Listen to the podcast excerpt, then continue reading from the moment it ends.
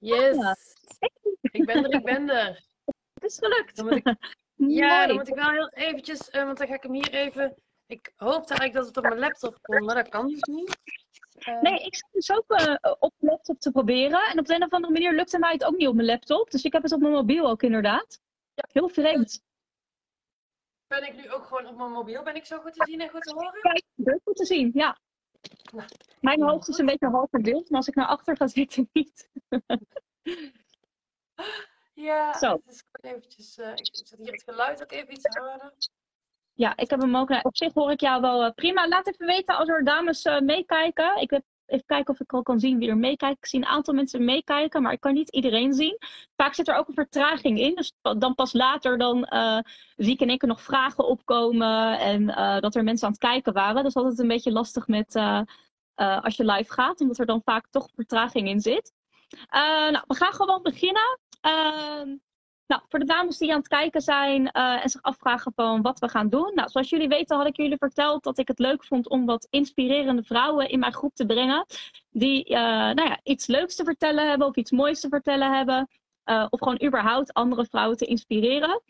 Dus de aankomende weken zullen jullie eh, nou ja, nieuwe vrouwen leren kennen in mijn groep. Die eh, iets inspirerends doen. En ehm, ja, die gaan daar wat meer over vertellen. En jullie kunnen natuurlijk naderhand kunnen jullie gewoon vragen stellen. Of die persoon natuurlijk nog benaderen. Eh, nou, en vandaag hebben we eh, Sylvia Bogers. Zeg ik het goed? Ja, dat zeg Ja. helemaal goed. Nou, vertel maar even wie jij bent en wat je doet. En eh, we zijn allemaal heel erg benieuwd. Ehm, ja, ja, dan zal ik de korte versie doen. Want als ik gewoon maar ga vertellen, dan ben ik drie kwartier verder en dan ben ik nog over mezelf aan het praten. Bescheidenheid is aan mij niet, niet besteed, zeg maar.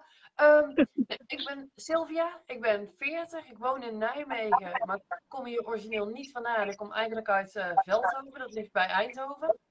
En mijn man Frans komt uit Nijmegen en die heeft een paar jaar met mij in Eindhoven gewoond. Hij kon daar zijn draai niet vinden. En toen zijn we naar Nijmegen toe verhuisd. En ik ben al bijna zeven jaar zelfstandig ondernemer. En oh, ik hoor een echo op de lijn. Ik hoor mezelf terug. Dat, ik weet niet of anderen dat ook hebben, dat ze mij dubbel horen. Ik kan het op zich nog wel hebben. Nee, ik hoor jou niet dubbel. Dus ik, ik denk Oh. dat anderen het ook niet. Tenminste, ik niet. Ik weet niet, eh, laat even weten als jullie kijken en je Oh. hoort een van ons dubbel. Maar ik hoor jou Ja, niet dubbel in ieder geval. weten. Helemaal goed. Nee, ik woon dus in Nijmegen. Ik onderneem. ehm, Oh, Elvira zegt ik hoor de echo ook. Oh, oké. eh, vervelend. ik heb ook geen idee hoe we dat dan moeten oplossen. Want ik, ik heb zelf gewoon mijn mobiel. eh, Horen Ja, jullie mij ook dubbel? Elvira, hoor je mij ook dubbel? Of hoor je alleen maar. eh, Oh, iedereen hoort een echo. Oh, zij hoort geen echo. Oh, oké. Ehm, nou ja. ja. Oh, het is niet storend, zegt Elvira. nou, gaan we even verder. Gaan Ja. we gewoon verder. Ehm, Ja. Ik ben nu. eh, Oh, en- Elvira zegt nu alleen, alleen ik echo. Nou, lekker dan. Oh, Ja, oké. Dus, dus gewoon mijn ego die ook ruimte inneemt. Daarom hoor je mij twee keer. Dus eh, nee, ik onderneem nu bijna zeven jaar. Eh, ik heb van alles gedaan als ondernemer, maar inmiddels ben ik sinds 2019 Mindset Magician. En ik, eh, als Mindset Magician help ik vrouwelijke ondernemers naar de mindset voor een succesvolle praktijk. En dat doe ik onder andere door business coaching, maar ook door hypnotherapie. En ehm, ja, jeetje. Wat kan, oh ja, we, we hebben geen kinderen en dat, dat willen wij heel graag zo houden. Ehm, wij hebben, eh, tot vandaag hadden wij een leenhond voor een week, maar we hebben verder ook geen, huisdieren meer. Wel vroeger katten gehad. Ehm, ja, en, en ik kwam inderdaad jouw oproepje tegen, Sanne. En toen dacht ik van nou, dat vind ik een leuk onderwerp. Mede ook omdat ik, eh, dat vertelde ik jou ook van de week, ehm, ja, sowieso het mindset stuk heel interessant vind, wat natuurlijk in deze groep ook plaatsvindt.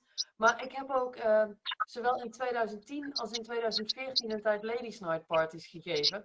Dus ik heb een tijd, eh, nou ja, ik, zal tegen mensen, ik, dus net als Tupperware parties, alleen dan in plaats van plastic dozen verkoop ik plastic voor je doos.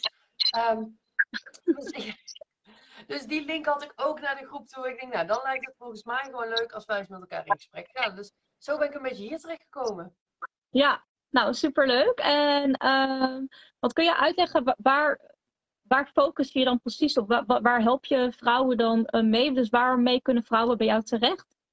Ja, ik focus me vooral op, vrouwelijke ondernemers, maar eigenlijk help ik ze met issues waar de meeste vrouwen uh, tegenaan lopen. Want als ik het goed heb begrepen, is jouw groep um, zijn, zijn niet per definitie ondernemers. Heel veel denk ik nee, zelf. Sommigen wel, maar niet, niet allemaal. Nee, het is gewoon een, een mengelmoes van, van, uh, van eigenlijk vrouwen tussen de 18 en de 70, uh, wat ik weet. Dus de leeftijden lopen heel erg uiteen. Ik moet wel zeggen, de gemiddelde leeftijd is tussen de 30 en de 40, weet ik wel. Die in mijn groep zit. Maar in principe zijn er allerlei soorten vrouwen. Van vrouwen die een eigen bedrijf hebben tot vrouwen die ja, gewoon fulltime moeder zijn. Uh, maar ook wel veel vrouwen waarvan ik weet dat ze een eigen onderneming zouden willen, maar toch een beetje eng vinden of niet durven. Dus dat is wel weer, uh, ja, dat ook. Dat is ook heel interessant. Nee, waar, ja. ik, waar ik vrouwen veel al mee help, zijn de dingen waar wij als mensen allemaal tegenaan lopen. Tegen een stukje onzekerheid, angst wat iemand van ons gaat vinden, angst wat de grote boze buitenwereld, weet je, als we ons uit gaan spreken, als we echt onze plek in gaan nemen, durven voor je eigen waarde te gaan staan, durven jezelf uit te spreken, blokkades die we ervaren, um, gevolgen van pestverleden, kom ik heel veel tegen bij vrouwen. En natuurlijk bij ondernemers krijg je dan ook een stukje angst voor zichtbaarheid. Het is wel handig als je actief bent op social media als ondernemer, maar sommigen vinden dat heel erg eng. Of dat ze merken dat ze zichzelf blokkeren, dat ze bepaalde stappen waarvan ze wel weten dat ze ze moeten zetten, maar dat het hun ergens tegenhoudt of blokkeert, dat ze het eng of spannend vinden. Maar ja, en, en, maar ik help ook vrouwen die zeggen van ja, ik ben ondernemer, maar ik merk gewoon dat omdat ik 10 kilo te zwaar ben, ben ik onzeker over mezelf. En dat heeft een weerslag op dat ik onzeker doe over de dingen die ik in mijn bedrijf doe. Dus het zijn echt gewoon ja, menselijke dingen. Maar ik geloof heel erg, en dat geldt voor de vrouwen die, die ondernemen, die zullen dit herkennen. Um, dat ondernemerschap vergroot heel erg alles uit wat je doet en waar je mee bezig bent. Ja. Um, en dat is dus ook met onzekerheden en dat soort dingen. Ja. Ja, dat klopt. Ja, het is wel grappig, want ik onderneem natuurlijk zelf. Maar mensen die uh, naar jou kijken, die hebben vaak een heel ander beeld van jou dan dat je in eerste instantie misschien uitdraagt. Want die denken, die zien niet dat je onzeker bent. Of dat je dingen eng vindt. Of die denken, oh, dat doet Sanne wel even, want uh, dat ziet er allemaal zo makkelijk uit. Maar dat ja. hoeft natuurlijk helemaal niet zo te zijn. Nee, terwijl, ik weet niet hoe, hoe het voor jou was, bijvoorbeeld de allereerste keer dat je live ging. Nou, verschrikkelijk. ik was echt gewoon, ik was gewoon echt zo erg aan het zweten. Ik weet nog wel, dat ik, ik weet nog wel de eerste keer dat ik live ging. Het ging over uh, gezondheid, ook dingen vertellen over uh, afvallen en supplementen waar ik mee werkte en zo. En uh, nou, ik, echt waar, ik was na die live gewoon, mijn shirt was gewoon zeik. ik was gewoon zo zenuwachtig. Maar mensen denken omdat ik heel makkelijk praat, dat ik dus helemaal niet zenuwachtig ben. En dat ik dus, dus allemaal dat heel makkelijk doe. Maar dat is dus uh, dat is niet zo. nou, ik ja, moet zeggen, is... nu is het wel beter, maar dat was niet zo, laat ik het zo zeggen. Nee, maar dat is ook vaak de ellende, weet je. Dat, dat, zeker net als mensen die mij nu zien praten. Ja, ik, ik tegenwoordig, ik kijk, ja, ik draai er echt mijn hand niet meer voor om. Dat, dat zet mij maar live. Ik, ik, kijk, ik kijk niet eens hoe mijn haren zitten. Het interesseert me allemaal helemaal niet. Ik ga gewoon live en ik klets wel. Maar bij mij is het ook geweest. Ik weet nog wel de eerste keer dat ik stories wilde maken voor Instagram. Dat ik geloof dat ik eerst 35 takes heb gedaan voor een filmpje van 15 seconden. Dat ik toen dacht, fuck it, ik maak wel een foto, dan maar geen filmpje. En dat ik eindigde met een foto van de plant. Die ik ja. wel durfde te uploaden. Weet je, al die dingen die ik niet deed, die zag je niet. Of die ik wel probeerde, maar niet durfde. Of dat ik het niet goed genoeg vond. Al die stotterende takes dat ik niet uit mijn woorden kwam. En weet je, dit, die zie je allemaal niet. En um, maar dat is online sowieso hè, natuurlijk. Eigenlijk de, de, de, de, de zwakke dingen van mensen of de dingen waar ze minder goed in zijn, daar post, dat posten ze niet. Dus bijvoorbeeld de eerste tien selfies die niet mooi zijn, die verwis je. En de laatste, die post je wel. En dan lijkt het alsof je ergens heel goed in bent. En dat je altijd heel mooi op de foto staat bijvoorbeeld. Maar dat hoeft natuurlijk helemaal niet zo te zijn. Nee hoor, dat, dat, er kan zoveel aan vooraf gegaan zijn. Oh, ik zit trouwens net te denken. Want die, ik hoor die echo nog steeds. En ik begin me toch wel te irriteren. Zal ik even uit de live gaan en dan terug vragen of ik er terug in mag kijken of het daarmee opgelost is? Um, ja, ik weet uitstappen. Dus dat je er gewoon uitstapt en weer instapt. Ja, dat ga ik even proberen. Even kijken of je maar. Is. Ja.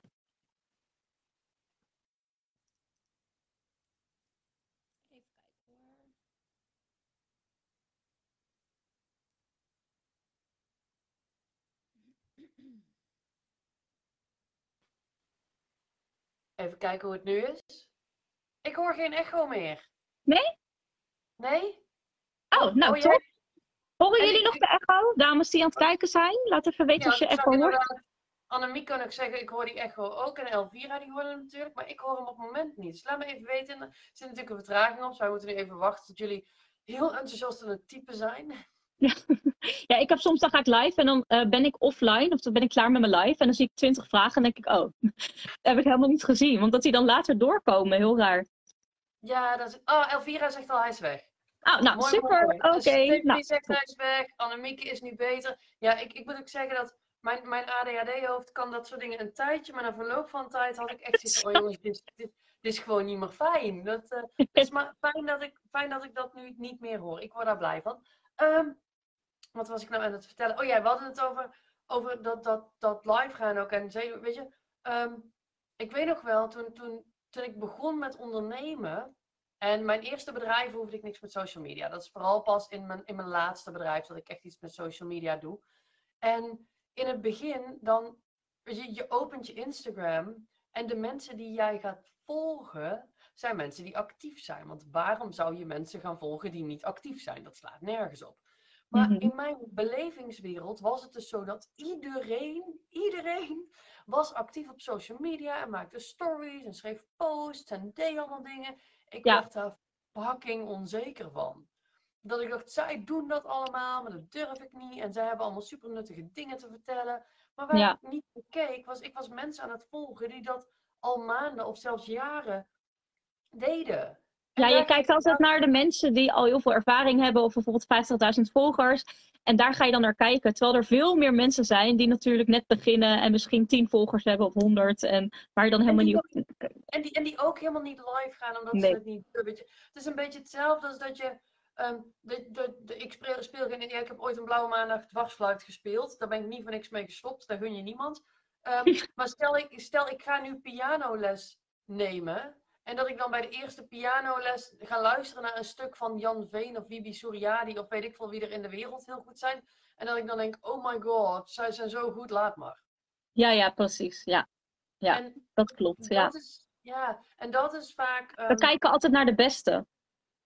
Ja, maar Ja. het, nadeel, lastige eraan is, weet je, we blijven kijken naar de beste. We zijn als Ja, mensen klopt. heel erg, en dat is voor als ondernemer, maar ook als, als je geen ondernemer bent, we zijn heel erg geneigd om naar boven te blijven kijken, naar de mensen die ergens beter in zijn of verder in zijn dan wij.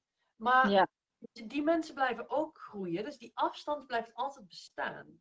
Maar wat zo fucking waardevol zou zijn, is als je af en toe eens een keer achterom kijkt en eens kijkt weet je, wie er allemaal achter jou aankomen, die weer omhoog naar jou kijken. En dat vergeten we vaak. We zijn zo gewend om onszelf altijd alleen maar te vergelijken met anderen die beter zijn.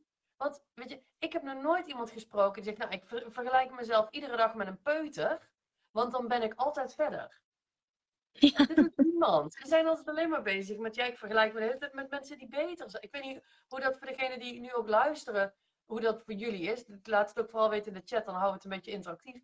Ehm, ondanks dat er dan wel vertraging op zit, dus wij waarschijnlijk al drie onderwerpen verder zitten. Maar, maar het is inderdaad, we zijn zo gewend om. En ik weet ook niet, ik weet ook niet waar dat vergelijken vandaan is gekomen. Bij mij in de sportschool hangt een, een, een poster en daarop staat, ik weet niet precies hoe het is, maar het is iets van de grondlegger van de judo of zo. Die zegt van ja, je moet jezelf niet vergelijken met een ander, maar je hoeft jezelf alleen maar te vergelijken met, met, met die jij van gisteren of zo. En dat is natuurlijk ook de enige vergelijking die eerlijk is. Weet je, de enige vergelijking die eerlijk is, is om altijd te kijken naar, ja, wat, wat was ik gisteren aan het doen? Ik zit even naar de vraag te kijken ook, ja. Ja, Stephanie zegt inderdaad, ik ben een perfectionist die altijd eerst wil rennen voor ik kan stappen. Die moet je even uitleggen, Stephanie. Want hoe ik hem lees, denk ik van, hoezo perfectionist? Als jij al gaat rennen, ehm, voordat je kunt stappen, dan, dan, dan maakt het niet uit of het goed is of niet. Dus die moet je even uitleggen. Elvira zegt ook vergelijken inderdaad perfectionistisch. Ja, perfectionisme, dat vind ik echt een mega interessant ehm, onderwerp. Want ehm, perfectionisme, het bestaat eigenlijk niet. Vaak als ik, eh, want ik, perfectionisme is waar ik ook heel veel vrouwen mee help. En vaak als ik hun spreek en ik vraag ook, of ze geven aan van ja, ik wil werken met perfectionisme. Ja, hoe is dat een probleem? Ja, ik wil altijd het perfect doen. Maar Ja. Weet je, je kunt een proefwerk of een toets op school, dat kun je perfect doen. Dat kun je namelijk, je kunt alle antwoorden goed hebben of je hebt dat niet. Ehm, maar hoe kun je dingen perfect doen? Hoe kan jij bijvoorbeeld als je een, een recept hebt en je gaat eten maken, hoe meet je dan of het perfect is? Of als jij iemand opgebeld hebt, ehm, hoe weet je dan of het perfect is gegaan? Of als jij een website live wil zetten, hoe meet jij dat iets perfect is? Ja, dat is voor Ehm, iedereen anders natuurlijk. Ja, dat. Ehm 9 van de 10 keer, wat ik denk 98 van de 100 keer, is er een soort meetlat voor dat perfectionisme. Ehm, die zodanig hoog ligt dat die nooit te halen is. En zelfs als je beter wordt, gaat die meetlat weer omhoog. Maar het lastige is ook nog, en voor iedereen die een beetje perfectionistisch is, luister hier heel goed naar wat nu gaat komen. Ehm, en misschien heb je het al honderd keer gehoord, maar kan het de honderd eerste keer zijn dat het kwartje opeens wel valt. Perfectionisme heeft ook geen zin. Want stel nou dat, ehm, stel nou dat piano spelen, Wibi Suryadi. Dat, eh, stel jij gaat ook piano spelen en je leert dan, weet ik veel, de Vlooienmars of zo. Dat tididi, titi, tididi, titi. En jij wil dat perfect doen en het is voor jou dan perfect. Ondanks dat je dat waarschijnlijk nooit gedaan. Maar stel het is voor jou perfect. En ik luister ernaar, dan denk ik, wow, ik was met de helft al tevreden geweest. Weet je, jouw 100% is mijn 200%. En dan luistert misschien een concertpianist ernaar en zegt van, nou, vind je dat goed genoeg? Jouw 100% is maar mijn 20%. Het is bijna schandalig dat je dit doet. Maar zelfs ook als we gaan kijken naar ja, je eerste live of je eerste stories op Instagram of zo. Als ik daar nu naar terug ga kijken, toen vond ik dat. Nou ik zal niet zeggen dat ik het perfect vond, maar ik vond het meer dan goed genoeg. Terwijl nu, als ik er nu een paar jaar later op terugkijk, dan denk ik, nou, Sil. ja, be- ik zou bijna zeggen, ga je zitten schamen dat je dit hebt geüpload. Dus het, het verandert ook nog eens steeds. En dat Je maatstaaf wordt steeds anders natuurlijk ook. ja, en het is alleen maar jouw maatstaf. Dus dan is het voor jou 100% perfect, maar dat zegt niks over wat iemand anders ervan vindt. En dat maakt Ja. het zo lastig. Dat, weet je, als, ehm, als, als jij het alfabet opschrijft, dan kun je waarschijnlijk prima de A tot de Z schrijven. Ga je vervolgens naar een kind van vijf, dan denkt hij, wow, dat je dat kan. Zo in één keer zo. trrr. Ja, weet je, de kind heeft geen idee. Dus dat, dat hele perfecte, er, er, zit geen maatstaf aan. En dat maakt het zo enorm lastig. Ehm, en daarmee maak je het jezelf ook gewoon extreem lastig. Ik zie dat Stephanie iets heeft. Het is nooit goed genoeg. Dus Ja. mensen die groot bereik hebben, maar kan moeilijk accepteren dat ik in het begin sta. Ja, dat is zeker duidelijk. Ehm, Ja. Maar dan zou het alleen maar eerlijk zijn, Stephanie, als jij je vergelijkt met die mensen toen zij in het begin stonden. Weet je, dan moet Ja, je En weet je het ook is inderdaad, wat jij zegt Sylvia, iedereen, en dat, dat besef ik me ook altijd, of in ieder geval niet altijd, maar dat probeer ik me altijd bewust te beseffen, dat iedereen ergens is begonnen. Iedereen begint bij nul. Iedereen. Er is niemand die begint met een eigen bedrijf en die meteen 100.000 volgers heeft, meteen de eerste week eh, 300.000 euro omzet heeft. En eh, daar, daar is een weg aan vooraf gegaan. Ja, Dat, dat kan niet anders. Want iedereen is gewoon geboren op een dag met niks. ja, met, met, een, met een moeder. Ja. En de rest is allemaal gegroeid in die tijd. En dat moeten we niet vergeten natuurlijk. Nee, maar dat is daarom ook wat Stephanie inderdaad zegt. Ja, ik, ik vergelijk me met mensen die een groot bereik hebben. Vergelijk je inderdaad met, met die mensen toen zij ook nog een klein bereik hadden. Weet je, ga eens naar hun oude content kijken. En dan zie je ook dat het veel knulliger was. En dat het, nou ja, de boodschap veel minder helder was. Dat het, en, en dan is het pas eerlijk. Maar weet je, in dit soort situaties, ik weet niet wie van jullie kinderen heeft eh, die aan het kijken zijn. Maar weet je, Ik. Ehm, ja, nee, maar dan kijk eens naar hoe je het zelf, hoe, hoe jij zou reageren als jouw kind doet wat jij doet. Als jouw kind zo perfectionist, als jouw kind zou, z- weet je, stel je voor dat een baby begint met kruipen en dat hij dan zegt, ja jongens, ik kan dit echt niet, want ik zie al die mensen lopen. Ja, dat heeft helemaal geen zin. Ik, wil- ik wil, net, ik wil net, zo, net zo goed kunnen rennen als Usain Bolt. En ja, weet je, dat kan ik nu niet, want ik kan niet eens kruipen, dus laat maar. En die blijft gewoon de rest van zijn leven op zijn speelkleed zitten. Ehm, en die denkt, laat maar. Ja, Dat Ja. heeft geen zin. nee.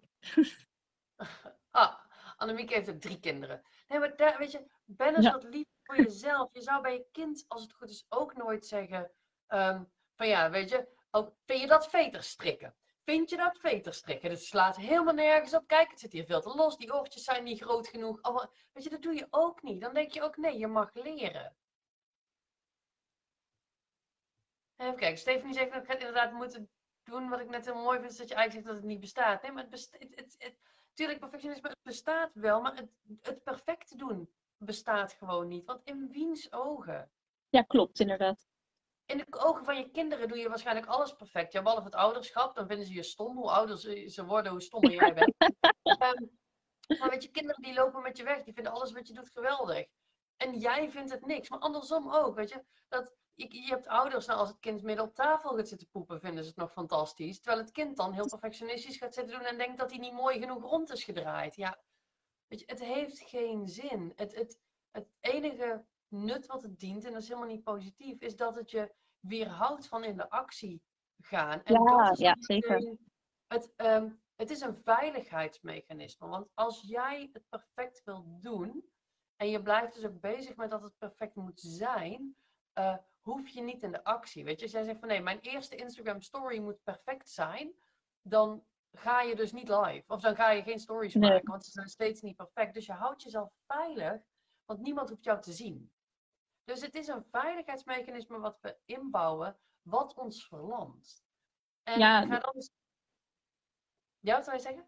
Nou, ik wil zeggen dat eigenlijk moeten we uh, durven om juist imperfect te zijn. Dus niet perfect te zijn. Omdat uh, het is gewoon een weg die iedereen moet afleggen. Niemand, niemand is perfect geboren. Want dat, dat zou ook helemaal niet leuk zijn, toch? Als we allemaal perfect zouden zijn. Dan ook nog, weet je, dat jij kan iets doen en dan, dan vind ik dat bijvoorbeeld perfect. En de volgende die langskomt, die denkt, nou, ik weet niet wat jij daar aan het doen bent, maar... Uh, ja. Ja, dus, dus weet je, ja, you, can't, you can't please them all. En, en dat komt er ja. ook nog eens bij. Dat je wil dus jezelf wil je tevreden stellen, maar eigenlijk ook al die anderen. En je ja. kunt nog al die anderen. Want niet iedereen vindt iets. Weet je, ga kijken naar kunst of toneel, theater, dans. De een vindt het geweldig, de ander vindt het ruk. Ja. ja. voor wie ben je het dan aan het doen? En dan, dan denk ik, wat nou als we alleen nog maar gaan kijken naar vind ik het leuk? Ja. En ook als we dan over Instagram stories en zo. Ja, ik heb tegenwoordig, ja, als je mij volgt op Instagram, je ziet echt de gekste dingen voorbij komen. Mij interesseert dus allemaal helemaal niks meer. Um, ik vind het alleen maar belangrijk, komt een boodschap over. Ik heb ook heel erg iets van mijn ondernemerschap is geen modeshow. Uh, weet je, als ik nou een, een, een beauty influencer was, was misschien een ander verhaal. Maar mijn ondernemerschap, weet je, ik ben heel erg goed in wat ik doe. En hoe ik eruit zie, heeft er daarbij niks, niks mee te maken. Dus um, ik draag geen make-up. Mijn eyeliner is getatoeëerd en mijn wenkbrauwen sinds vorige week ook. Ik draag al maanden geen BH's, gewoon simpelweg omdat ik daar geen zin in heb. Um, weet je, het, ik loop bijna altijd op mijn blote voeten. Omdat schoenen vind ik iets van. Weet je, als ik dat allemaal aan zou gaan passen, omdat andere mensen daar misschien iets van gaan vinden, wat blijft er dan over van mij? Maar mag ik wat vragen? Hoe, hoe, hoe lang heb jij erover gedaan dat je uh, dat je daar, laat maar zeggen, scheid aan had? Want ik neem aan dat je ook wel heus wel een keer een drempel over moest. Ik denk niet dat je meteen online ging en meteen zonder make-up uh, ging zitten met de camera en zonder BH. Nee. nee, ik heb, ik heb heel, dus bij mij gaat het heel erg in fases. Ik heb, en, en dat is eigenlijk niet alleen met, met online, maar in mijn hele leven. Ik, heb, ik, heb, uh, ik kan me herinneren dat ik wel, wanneer is het geweest? 2000, 10 tot 2012 heb ik een baan gehad. Ik denk dat, dat mijn collega's daar mij nooit zonder make-up hebben gezien. Ik ben één keer dood en doodziek op kantoor gekomen dat ik iets op moest halen. Zelfs toen heb ik verf op mijn gezicht gedaan. Want ik vond het, eh, ja, Elvira zit ook al een jaar bij Halo. Schijt, heerlijk. Top. Um, ja, en weet je, bij mij, het is ook niet zoveel, het gaat nergens heen. Als ze nou op mijn knieën zouden hangen zonder BH, vind ik het nog een ander verhaal, maar dat is niet het geval. Um, maar die, die baan hebben ze mij nooit zonder make-up gezien. En ik geloof zelfs dat ze mij daar nooit in een broek hebben gezien. Want ik vond dat ik altijd jurkjes en rokjes en dat soort dingen aan moest. Um, ik heb ook periodes gehad dat ik dacht, ik kan alles in mijn joggingbroek. Dus bij mij wisselde dat vaak een beetje. Um, maar voordat ik. Uh, ja, wat er voor mij echt voor nodig was, en dat is niet iets waar ik een kant-en-klaar script voor kan geven of een handleiding hoe je dat kunt realiseren. Maar um, ik denk dat het hem voor mij vooral zit in complete vrede met wie jij als persoon bent. En dat ja. helemaal accepteren. En Weet je, ik had tot een paar maanden geleden, vond ik nog, dat als er klanten bij mij kwamen, dan moest ik schoenen aan. Een paar maanden geleden nog. Dus ik liep de hele dag op mijn blote voeten op mijn sokken. Had ik een klantafspraak, dan deed ik schoenen aan, want ik vond dat dat hoorde. Um, totdat ik op een gegeven moment daar een keer geen zin in had. En toen nog een keer niet. En toen dacht ik het maar uit. En dat de klanten vanaf dat moment hier binnenkwamen met...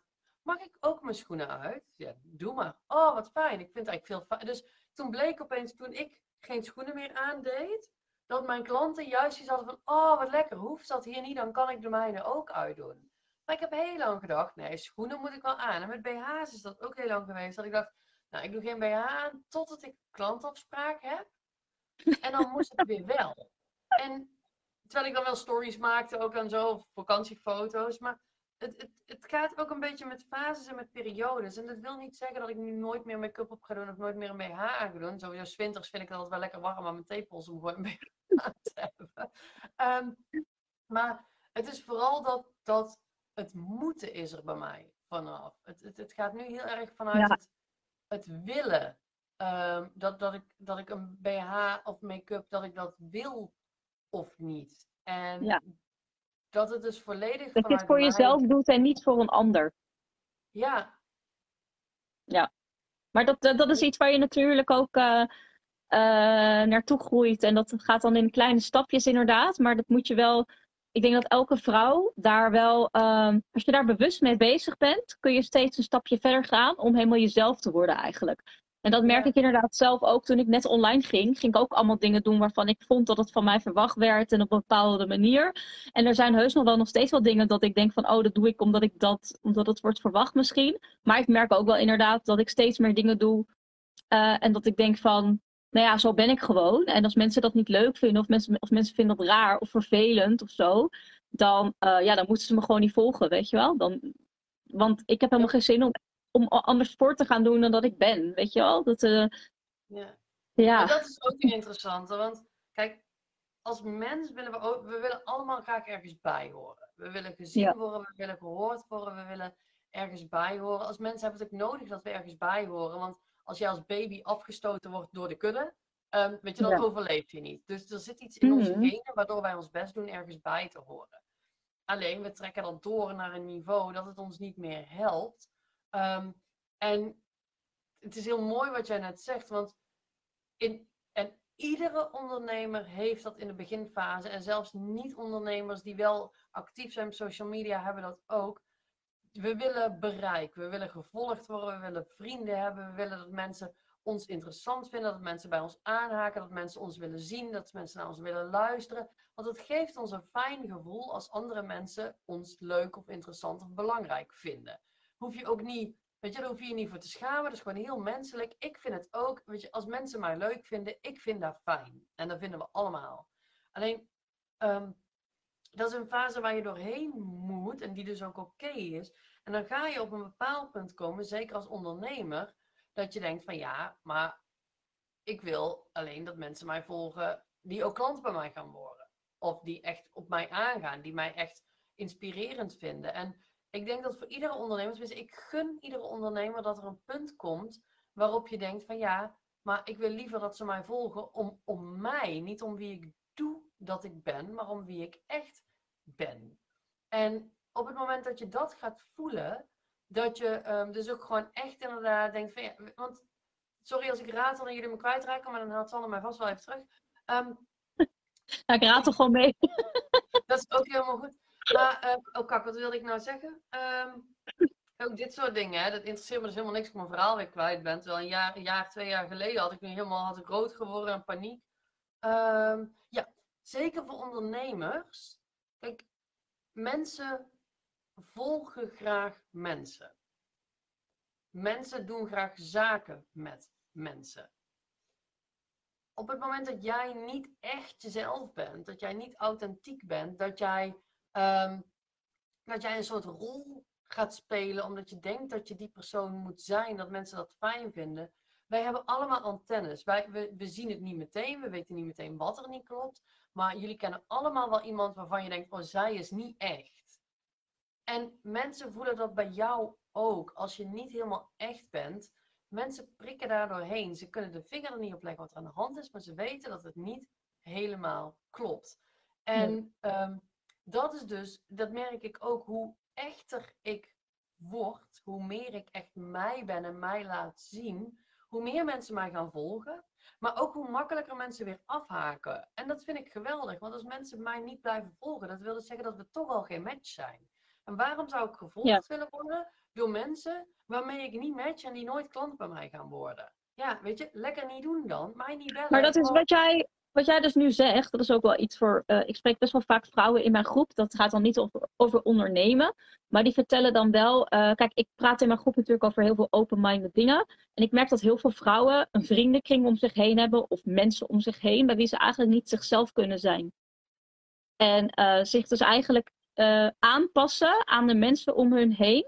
Om dan geaccepteerd te worden. Maar eigenlijk als je dan heel goed gaat nadenken, is het eigenlijk, ben je dan iets aan het doen wat jou helemaal niet gelukkig gaat maken. Want je bent je dus, je verzamelt dus mensen om je heen en je gaat je dus gedragen naar hoe die mensen vinden dat jij je moet gedragen. En wat ga je dan uiteindelijk creëren? Uiteindelijk ga je dan dus mensen om je heen creëren die jou dus eigenlijk niet nemen zoals je echt bent en kun je niet eens jezelf zijn. Nou, en, ja. omdat je je ook nog eens aanpast, kun je niet eens echt testen of ze jou niet accepteren zoals je bent. Want je bent al niet jezelf, omdat je je al aan aan het passen ja. bent. En dat maakt het, dat maakt het wel heel erg lastig. Um, kijk, en ik, ik, ik hoor het ook vaker, maar ik, ik kan bij hun niet, zijn, niet mezelf zijn. En dan denk ik altijd, hoe weet je dat? Heb je dat echt goed doorgetest? Ja, geldt dat, dat ook. Hele, geldt dat voor de hele groep? Of zijn het er één of twee? Um, ja die, die heel erg de, de, de aandacht en de ruimte claimen in zo'n groep. Um, accepteren ze jou echt niet of zijn ze gewoon vet jaloers? Ja, kan ook. En, en, wat levert die groep je dan op? Ja. En wat kost het je als je zegt, fuck jullie, ik ben toch mezelf? Ja, wat gaat er dan gebeuren? Want dat weet je ook niet altijd. Hè? Soms denk je dat je weet wat er gaat gebeuren, maar dat hoef je niet altijd dat te weten. Dat weten we eigenlijk nooit, ja. Nee, maar dat denken we vaak, dat we weten wat er gaat gebeuren. Ik, ik, ik sprak een keer een meisje ook laatst en die vertelde aan mij dat ze, uh, dat ze eigenlijk lesbisch is, maar dus als hetero door het leven gaat. En ze zei van, als ik dat ga vertellen aan mijn omgeving, dan word ik verstoten door iedereen. Toen zei ik ook van, ik zeg, maar hoe weet je dat dan? Want misschien gebeurt het helemaal niet. Weet je, dat, dat zijn, dat, eigenlijk is het een aanname. Kijk, natuurlijk, mensen kunnen soms heel makkelijk bepaalde dingen roepen. Van, oh, uh, als je lesbisch bent, ben je vies. Of als je dit bent, ben je dat. Maar het moment dat het gebeurt, uh, weet je niet of die mensen dat nog steeds zo gaan zeggen. Omdat ze dan misschien in één keer tot inkeer komen. Of in één keer denken van, oh, in één keer anders gaan nadenken over de dingen. Omdat ze nooit verwachten dat jij dat misschien bent. Dus ik snap wel dat, dat, dat zo'n situatie, dat je daardoor ja, wordt afgeschikt om, om jezelf te zijn. Maar je weet het pas als je er echt in zit natuurlijk. Ja, en dat is absoluut waar. En daarnaast is ook, weet je, wat heb je liever? Dat je niet geaccepteerd wordt om wie je echt bent, of dat je wel geaccepteerd wordt om wie je niet bent? Weet je, ja. want laten we heel eerlijk zijn, als jij, als jij gewoon weet dat je lesbisch bent, of wat dan ook bent, en um, en, en je houdt dat voor jezelf om, vanuit de angst dat het niet oké is voor jouw omgeving. Dan gebeuren er een aantal dingen. Ten eerste geef je jouw omgeving niet de kans kennis te maken met wie jij echt bent. Ten tweede verlogen je jezelf. Weet je, er is maar één relatie die je hele leven duurt. Ja. Dat is die met jezelf. En waar haal je dan het lef vandaan om die oneerlijk te maken? Weet je, ik, ik, ik vind dat best, en ik heb het ook gedaan, maar ik vind dat best heftig. Ehm, zeg maar met de wetenschap die ik inmiddels heb, dat je dus de enige relatie die altijd duurt, dat je, dat, dat je die gaat saboteren. Maar ook, en die vind ik misschien ook wel veel belangrijker, waarom blijf jij je leven vullen met mensen die daar niet horen, waardoor er dus geen ruimte is voor de mensen die er wel horen? Ja. ja, maar ook de mensen die jou wel met alles wat je bent en zegt en doet, in hun, met open armen ontvangen. Daar is geen plek voor als jij al je aandacht blijft geven aan die mensen die eigenlijk niet willen dat jij bent wie je bent. Ja. En ik zal de laatste zijn die zegt dat het makkelijk is. Nee, zeker niet makkelijk. Ja. Maar wat kost dit je? Ja. Ja, weet je, ik bedoel, ik, de, ik heb ook, ja, weet je, soms dan. Voor hetzelfde geld ben je morgen dood, even heel grof gezegd. Maar je weet niet hoe het leven loopt. Weet je, er, er, ik heb genoeg mensen in mijn leven gehad die eh, in één keer er niet meer waren. En ehm nou dat je dan tot die tijd heb jij geleefd zoals jij vindt, zoals jij dacht dat vond dat andere mensen vonden dat jij moest zijn eigenlijk. En dan Ja. heb je helemaal je best gedaan om helemaal alles te verborgen gehouden. En, en uiteindelijk ben je dood.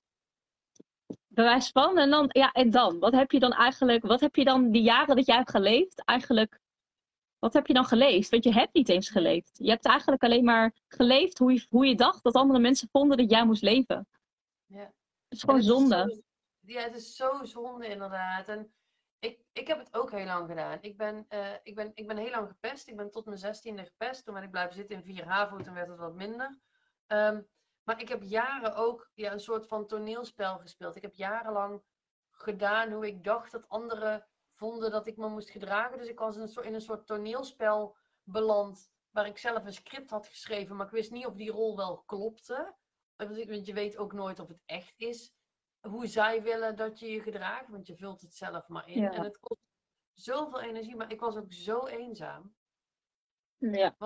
Ik was niet echt mezelf en daar word je gewoon enorm eenzaam van. Want de mensen waar je dan een soort van aansluiting mee hebt, daar heb je eigenlijk geen aansluiting mee, want het is niet echt.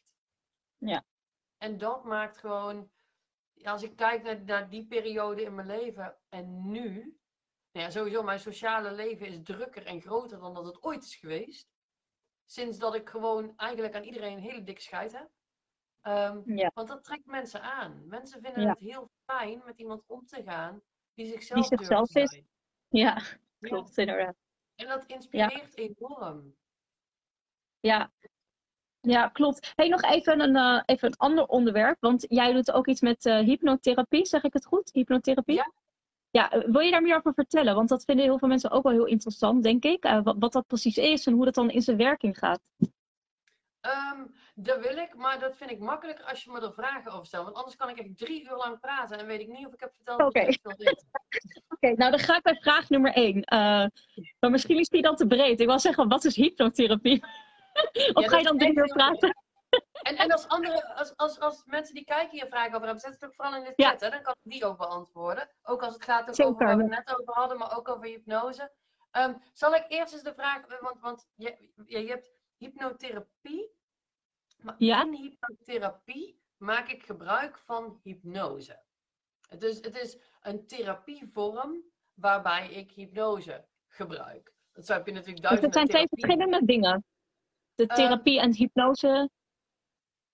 Nee, het is een beetje net als dat, dat als je een wandelcoach hebt, die doet coaching terwijl ze wandelt. Maar wandelen is gewoon iets wat je doet en zij coacht Ja. tegelijkertijd. Nou ja, ik maak Ja. gebruik van hypnose Ja, in mijn therapie. oké, ja. Ehm, dus ik, ja. dus ik ben, ik ben, nou ja, ik ben niet gewoon een therapeut, want aan mij is erg weinig gewoon. Ehm, maar ik ben een therapeut en ik maak gebruik van hypnose. En hypnose ehm, is in basis helemaal niet zo spannend. Heel veel mensen als Mhm. ze aan hypnose denken, dan denken ze aan Rasti Rostelli bijvoorbeeld. eh showhypnose, mensen die als een kip over een podium heen lopen. Of als een kikker, of die opeens denken Ja. dat ze kunnen zingen als Pavarotti of Gerard Joling. Dat soort dingen. Die mensen zijn in een staat van hypnose. Maar de staat van hypnose is niet zo spannend. Dat is een staat, daar zijn wij vandaag allemaal al in geweest. Ehm, dat is namelijk de staat van hypnose. Dat is een staat waarbinnen jouw hersenen op een theta-golf bewegen. Dat is niet heel spannend. Ehm, de staat van hypnose, daar ben je ook in net voordat je wakker wordt. Of net voordat je in slaap valt. Of, en dat kennen we allemaal wel, dat je op de fiets zit of in de auto en dat je opeens denkt, huh? Ben ik al hier? Dat stuk wat je dan zeg maar kwijt bent, dan is jouw brein gewoon in de staat van hypnose. Dus die staat is aan zich niet heel spannend, alleen we gaan daar nooit bewust in. Nou, in die staat van hypnose ehm, is jouw brein heel erg vatbaar voor suggesties. En je ziet dat ook bij kinderen. Kinderen tot een jaar of zeven zijn eigenlijk chronisch in een staat van hypnose. Dat kun je ook merken aan dat je, je kunt ze alles wijsmaken. Weet je, als je zo doet, dan zeg je, ik heb hier nu een neus. En natuurlijk eh tanden, veeën, paashazen, eh, de man met de mijter. Alles kun je ze wijsmaken. Omdat hun brein, zij zijn in een staat van leren. Hun brein staat open voor suggesties. En zij nemen bijna alles wat we zeggen, nemen ze voor waar aan. Dat is ook heel nuttig in de fase waarin zij zitten. Nou, die staat, dat is eigenlijk een staat waar ik mijn klanten inbreng. Dus ik breng jou in de staat van hypnose, zodat dat brein een soort van open staat en ik ermee kan werken. En waarom heb ik dat nu nodig? Ehm, stel je hebt angst voor zichtbaarheid op social media. Um, en je wilt graag stories maken, maar je schijt zeven kleuren nog geen bruin. Je weet klamme handjes, klotsende oksels. En wat je met je eerste live, je t-shirt kun je daarna gewoon uitwringen. Dat soort dingen. Maar je wilt het eigenlijk wel. Weet je, als we er rationeel over nadenken, weten we allemaal, je gaat niet dood als je een filmpje opneemt. Weet je, hooguit, vindt iemand er iets van, maar de meeste mensen vinden er niet eens iets van.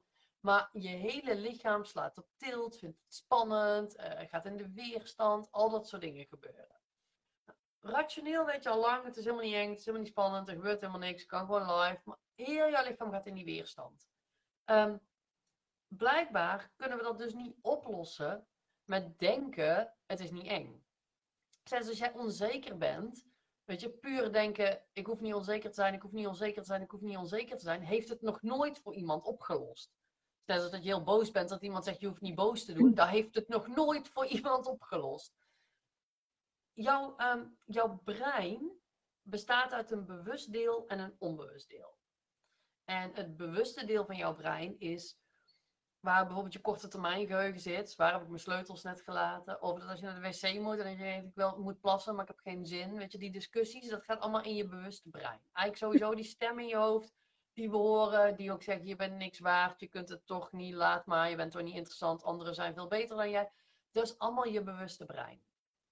Dan hebben we ook ons onbewuste brein. En het onbewuste brein is onder andere heel interessant omdat die een paar dingen heeft waardoor we in leven zijn. Net als terwijl jullie zitten te kijken naar, naar ons en wij in gesprek zijn. Dus iedereen ademt hier gewoon door. Er is niemand die op bewust niveau hoeft te denken: adem in, longblaasjes vullen zich met lucht. Oh, die is vol en we. Weet je, dat gaat gewoon allemaal op onbewust niveau. Net als dat je hart je bloed rond blijft pompen. Dat als je een wondje hebt ergens, dat dat ondertussen gewoon aan het herstellen is. Daar hoef jij niet over na te denken. Oh, witte bloedlichaampjes die kant, rode daarheen. Dat, oh, het is klaar jongens, ga maar terug. Nee, dat, dat doet allemaal gewoon zichzelf. Dat zit in dat onbewuste brein. Ehm, ook dat als jij nu iets wil drinken, ja, dat jij slikt op het juiste moment. Nou ja, dat gaat bijna altijd goed. We stikken allemaal wel eens een keer in ons drinken. Maar over het algemeen, dat soort dingen gaat allemaal op onbewust niveau door. Ook als je je telefoon pakt, voordat je het door hebt, zit je op Facebook of Instagram, gaat gewoon onbewust. Of als je Heel gevaarlijk. Absoluut. Als je in de auto stapt, je, voordat je het door hebt, ben je al aan het eind van de straat. Je hebt niet eens een idee of je je sleutel wel fatsoenlijk in contact hebt. Al dat soort dingen worden vertaald naar een soort van automatische processen. Omdat als wij alles wat we de hele dag doen op bewust niveau zouden moeten doen, dat, dat gaat gewoon niet. Moet je eens indenken dat, weet je, ze noemen het mindful, maar dat is niet, niet vol te houden langer dan een paar minuten. Moet je indenken dat alles wat je doet, tot het bewegen van je handen als je praat, dat je daarover na moet denken. Nou, dan dat, dat joh, als je om zeven uur opstaat, om tien over zeven ben je klaar voor de rest van de dag, kan je gewoon naar bed. Het is niet vol te houden. Um, dus ons onbewuste brein is een brein wat heel energiezuinig is. Allerlei dingen die we vaker doen, gaan naar dat onbewuste brein, wordt het een soort automatisme. Want dat is energiezuiniger. Um, dat is heel handig bij jezelf aankleden, autorijden, douchen, je tanden poetsen, naar de wc toe gaan, al dat soort dingen. Maar ons brein doet dat dus ook met patronen die minder handig kunnen zijn. Zoals onzekerheid, angst voor dingen. Kijk bijvoorbeeld um, angst voor spinnen. Um, de meeste mensen snappen wel dat, dat als je in Nederland bang bent voor een spin, die spin vreet jou niet op. Weet je, je gaat niet dood als die spin over je hand loopt en zo. Ze zijn allemaal vaak te klein om überhaupt te, te, zien dat ze er echt zijn. Toch zijn er heel veel mensen heel bang voor spinnen. Ja, dat is net als muizen. Ja, dat is een patroon wat ergens een paar keer, misschien was je moeder bang voor spinnen, misschien was je in een vorig leven bang voor muizen. Maar je onbewuste denkt dan, oh, hoe kan dit energiezuiniger? En die gaat het gewoon als automatisme. Dus spin equals... Maar ik denk ook dat je het misschien leert, hè? Van mensen. Want, want om je heen zie je altijd dat vrouwen zijn bang voor spinnen en voor muizen.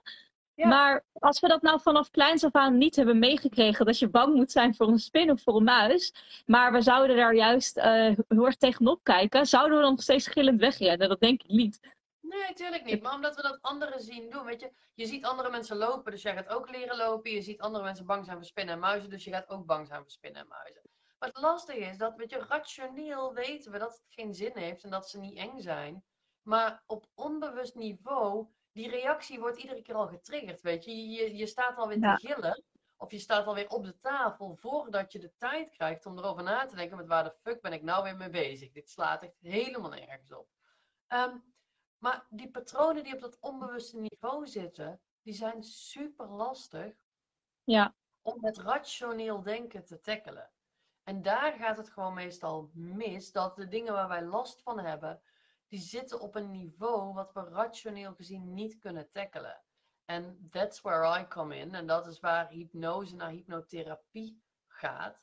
Ehm, wanneer ik als hypnotherapeut met iemand werk en ik breng jou naar die staat van hypnose, dus ik breng jouw brein naar die staat waarin het heel erg open staat voor nieuwe suggesties, dan kan ik op dat niveau waar het probleem daadwerkelijk zit, kan ik het ook oplossen.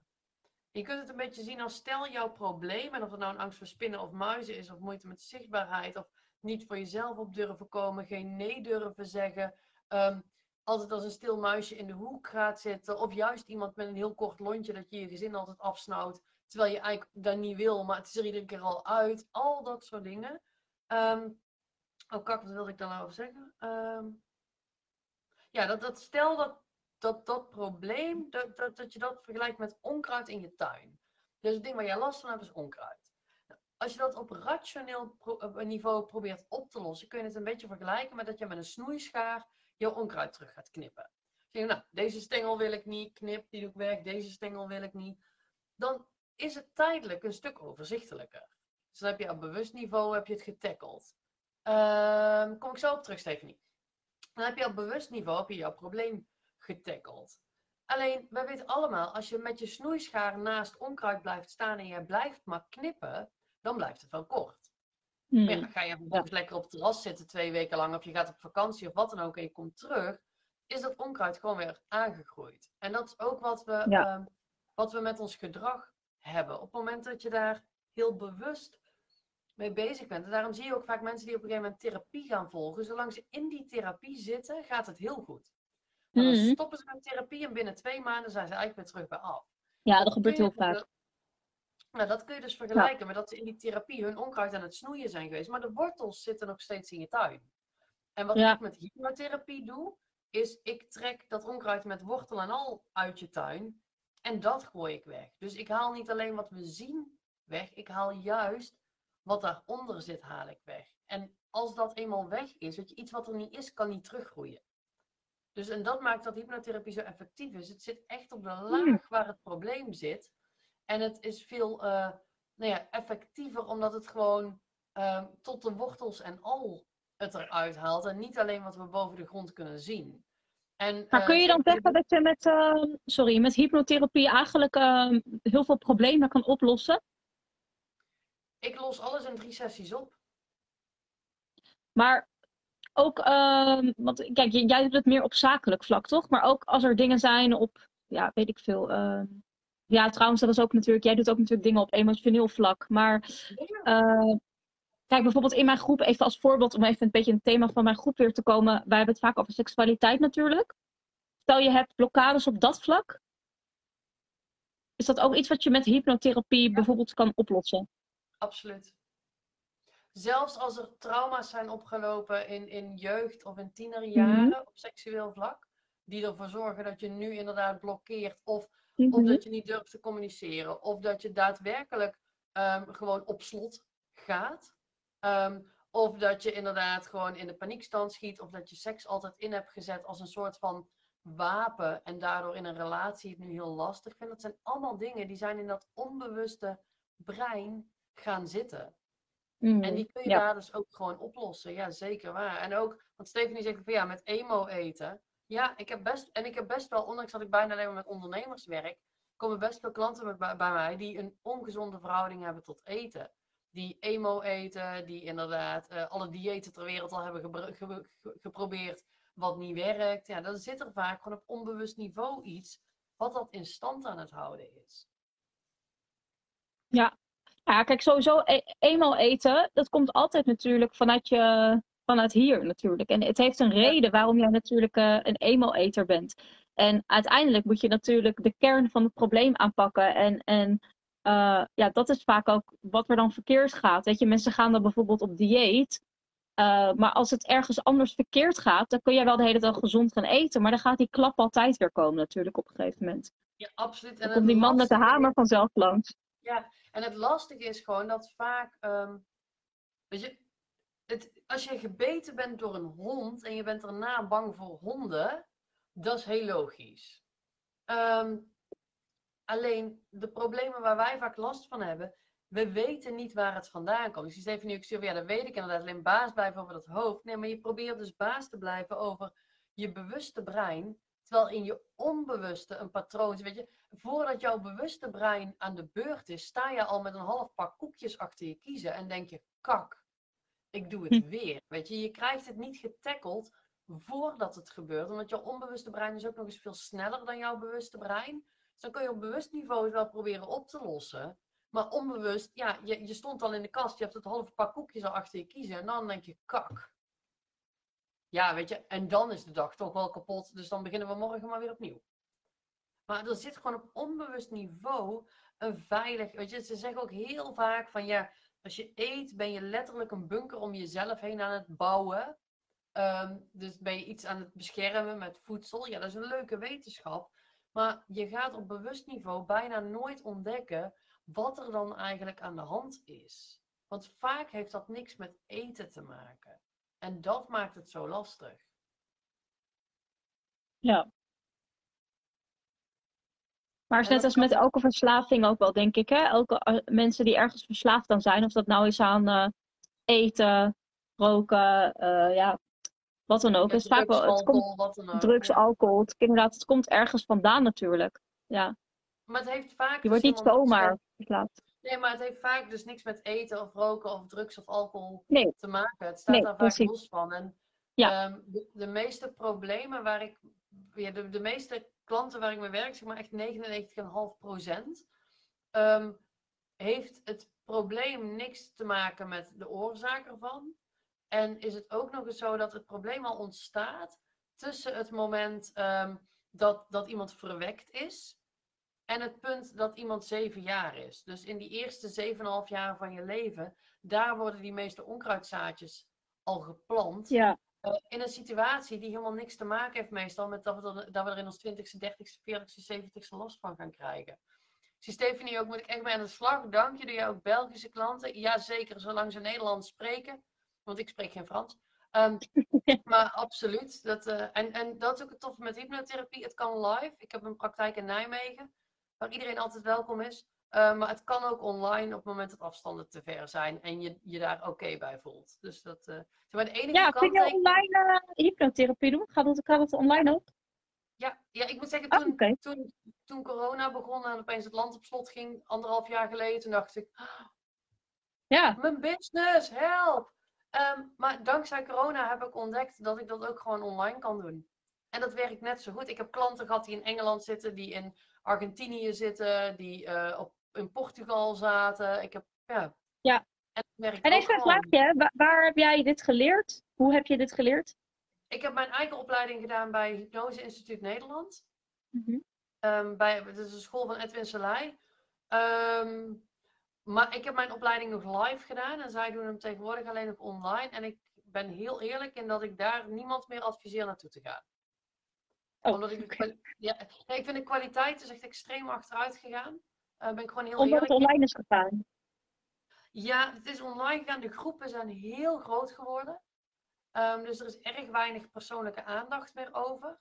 Ehm, en en wat, nou ja, wat ik belangrijk vind, is dat je je persoonlijke vragen kunt stellen. Maar ook dat er, als ik een opleiding volg, wil ik dat er een bepaald niveau in een groep zit. En bij het Hypnose Instituut hebben ze ervoor gekozen. En dat is hun keuze, dat is ook helemaal oké.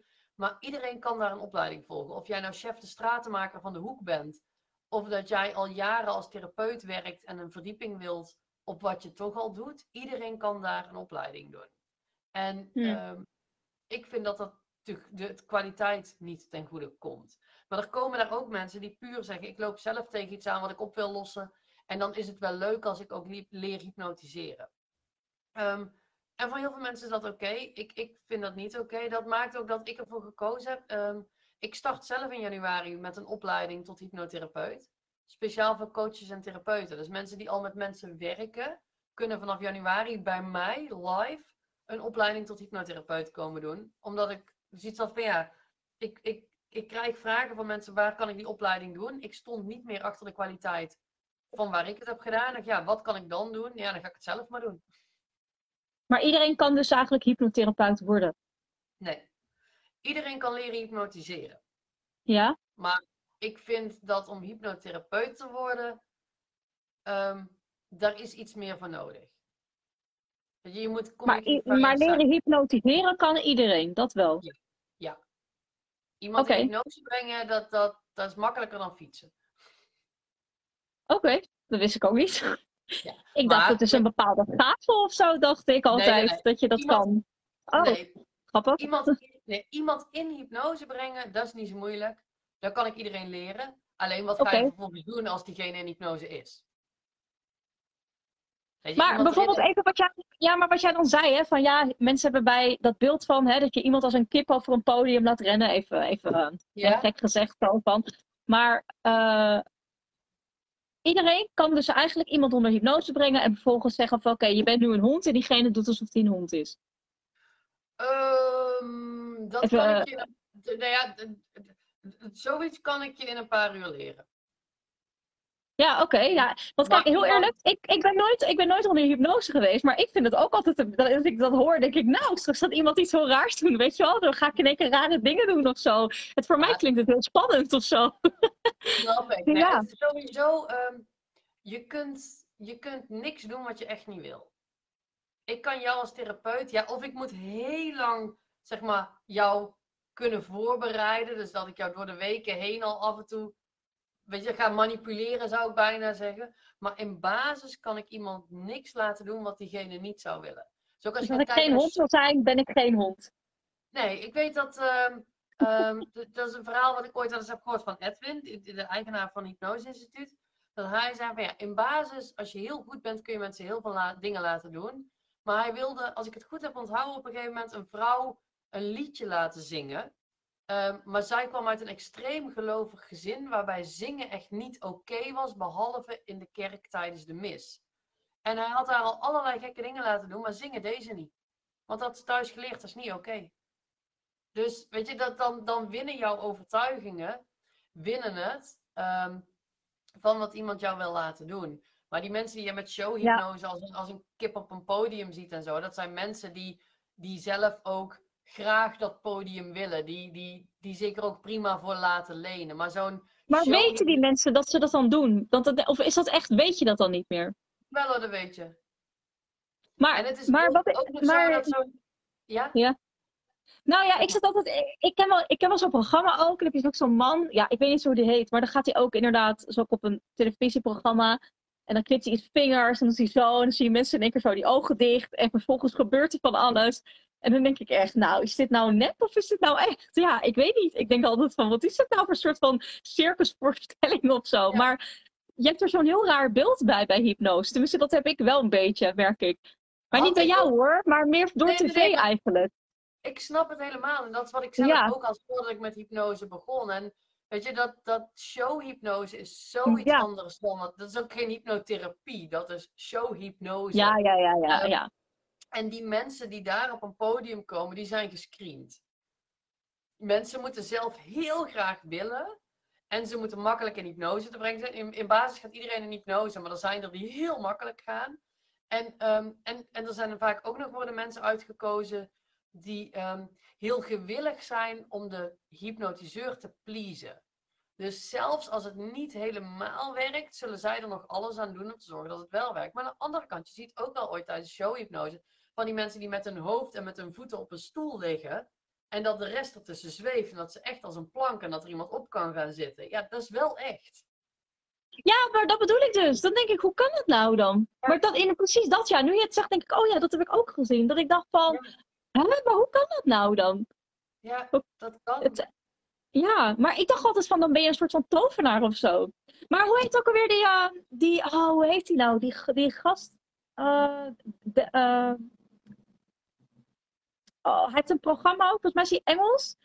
Ik zeg niet, dat hij, hij is niet hypnotiseur, maar hij doet echt, hij loopt ook over water en zo. Hoe heet hij Oh, nou? ik- Eh, Dynamo? Dynamo. Ik, heb ik, kijk al, ik kijk al negen jaar geen tv meer. Dus Oh, oké. Maar ook niet van Dynamo gehoord? nee. Nou ja, in ieder geval hij. eh, moet, je, maar, moet je eigenlijk eens een keer kijken, Dynamo. Op googlen en dan bijvoorbeeld loopt over water. Dan zie je hem dus in Londen volgens mij. En hij is dus een. Volgens mij is hij illusionist of. of ook, nou, ik weet niet precies hoe hij zichzelf noemt, maar hij doet dingen. En het is, het is niet. eh, het is geen goochelshow, dus het is echt. Maar hij doet echt dingen dat je denkt: nee, dat kan. Eh, Je wordt gewoon gek als je ernaar kijkt. Hij loopt op een gegeven moment loopt hij over, over water heen. En de politie haalt hem met de boot van het water af. En het is niet in scène gezet. En hij doet meerdere dingen. Volgens mij, ja, Dynamo heet hij. Dat je echt denkt, nee, dit, dit, als je- als je dat ziet, dan denk je gewoon dat er dan... Nou, hij kan gewoon toveren, maar echt gewoon toveren. Zoals kinderen in tovenaars geloven. Hij is gewoon een tovenaar. Het is niet meer... Ja, dat is, dan heel ja, dat is dan waarschijnlijk een illusionist. Ja, ik weet niet wat hij precies nou is, of hoe hij zichzelf noemt. Maar ook gewoon wel echt dat je dingen ziet dat je denkt, nou, dit is echt gewoon... Dit is gewoon next level. Dit bestaat, dit zie je alleen maar in films. Maar Ja, ik het ben is... ondertussen even aan het kijken. Ehm, ja, het- hij wordt ook illusionist genoemd inderdaad. Een Britse illusionist. Oh, je- Vooral bekend Ja. van zijn programma uitgezonden door Discovery Channel. Ja, nou, hij doet ook dingen bijvoorbeeld, ik noem maar wat, dan zit hij met mensen aan tafel en dan heeft hij iemand een glas cola en dan in één keer doet hij dit en dan is de, de cola uit het glas en dan zie je de cola zweven ergens boven de tafel en drie minuten later zit de ring van de man in die cola en dan, in één keer is de fles van de cola dicht en nou, het is allemaal echt gewoon dat je denkt, maar hoe kan dit dan? Dat mensen ook helemaal zo zitten van, nee, dat is echt gewoon... Maar ja, daar moet ik dus altijd een beetje aan denken bij hypnose ook, dat ik een soort van magic of zo... Ja. Ja, ik noem mezelf niet voor niks mindset magician. Ik kan wel een Ja. soort van toveren met breinen. Dat, eh, Ja, Maar ik heb- precies, ja. Ik heb oprecht mensen die, ehm, die, bij mij, eh, die bij mij komen voor een traject. Ik werk altijd met drie sessies. Ehm, maar mensen die al twaalf jaar bij psychologen lopen. En waar ik in drie sessies gewoon... Ja, waar ik na sessie twee zeg maar al meer resultaat mee heb geboekt dan Ja. een psycholoog in twaalf jaar. Ja, dat is Ja. mind-blowing ooit. Dat, eh, Ja. Nou, ja, ik, eh, ja, super mooi. Ja, ik denk dat we wel moeten gaan afsluiten, want het is al, we zijn al een uur verder. We kunnen nog uren een uur verder. Ik zie het, ja. Ja, echt, hè? Ja, ik zat net te kijken en ik denk, wow, het is al... En anders wordt het heel lang natuurlijk, wel heel leuk. Misschien zijn er nog bepaalde dingen dat jij zegt, nou, dit wil ik echt nog even zeggen of nog even vertellen aan de mensen die dit terug gaan kijken, want er zullen waarschijnlijk veel mensen ook even het nog terugzien. Ehm, dus misschien is er nog iets dat jij nog sowieso- wil vertellen. Ja, sowieso als je, als je mij leuk vindt. Ehm, ik, ja, Als je er leuk vindt. Dat zou zomaar kunnen dat je mij leuk vindt. En als je mij niet leuk vindt, dan moet je het niet doen. Maar stel je vindt mij leuk. ehm, ik, ja, je mag me altijd een vriendschapsverzoek sturen op Facebook. Maar ik ben ook heel actief op Instagram. Ga me daar leuk volgen. Eh, ik ben enorm benaderbaar via DM. Dus stuur me ook vooral berichtjes als je iets wilt vragen. Stephanie, geldt ook voor jou als je iets meer wil weten over hypnose en zo. Stuur me eventjes een privéberichtje. Geldt ook voor anderen als je zegt ik meer wil meer weten. Ehm, voor de, de, het zijn allemaal vrouwen in jouw groep, hè? Ja. Nou, voor de Als het dames goed, die als zeggen- het goed is wel. voor de dames die zeggen ik ben startende ondernemer en ehm, ik, ik vind ondernemerschap nog wel eens spannend of uitdagend of ik weet niet zo goed hoe of hoe kom ik nu aan klanten, al dat soort dingen. Ehm, neem even contact met mij op, want ik geef iedere maand een webinar over ehm, hoe je een succesvolle praktijk bouwt. Dat kan ik namelijk heel goed, dus dat leer ik ook andere mensen. Neem dan ook gewoon even contact met me op. En als je nu al coach of therapeut bent en je denkt, wow, ik wil ook eh, iets met hypnose gaan doen, ik wil dat ook leren, neem dan ook contact met me op, want ik start dus in januari met een opleiding. Kun je zelf hypnotherapeut worden. Dus, ehm, dus dat Leuk. eigenlijk een beetje. Ja. Nou, superleuk. Ik, eh, ja, ik vond het hartstikke leuk om je te spreken. Ik ken je natuurlijk eigenlijk helemaal niet. Dus, eh, want ik heb je natuurlijk ook maar gewoon via Facebook, Instagram eh, kwamen we elkaar tegen. Eh, dus ik vond het heel erg leuk om te, om te horen. En eh, nou, de vrouwen die hebben gekeken op dit moment, zag ik ook wat leuke reacties. En er zullen ongetwijfeld nog veel vrouwen ook het, het ja, terugkijken. Ik kan nog, Ja. wat ik zei, ook, we kunnen nog uren doorkletsen, maar we zijn inmiddels alweer 50, nee, eh 70 minuten verder. Dus het, is lekker een, ja, het is in ieder geval een lekkere lange live geworden, maar wel gewoon super leuk. En Ja. ja. ik wil je heel erg bedanken. En jij bedankt En heel veel succes. Dat, eh, Ja. ja.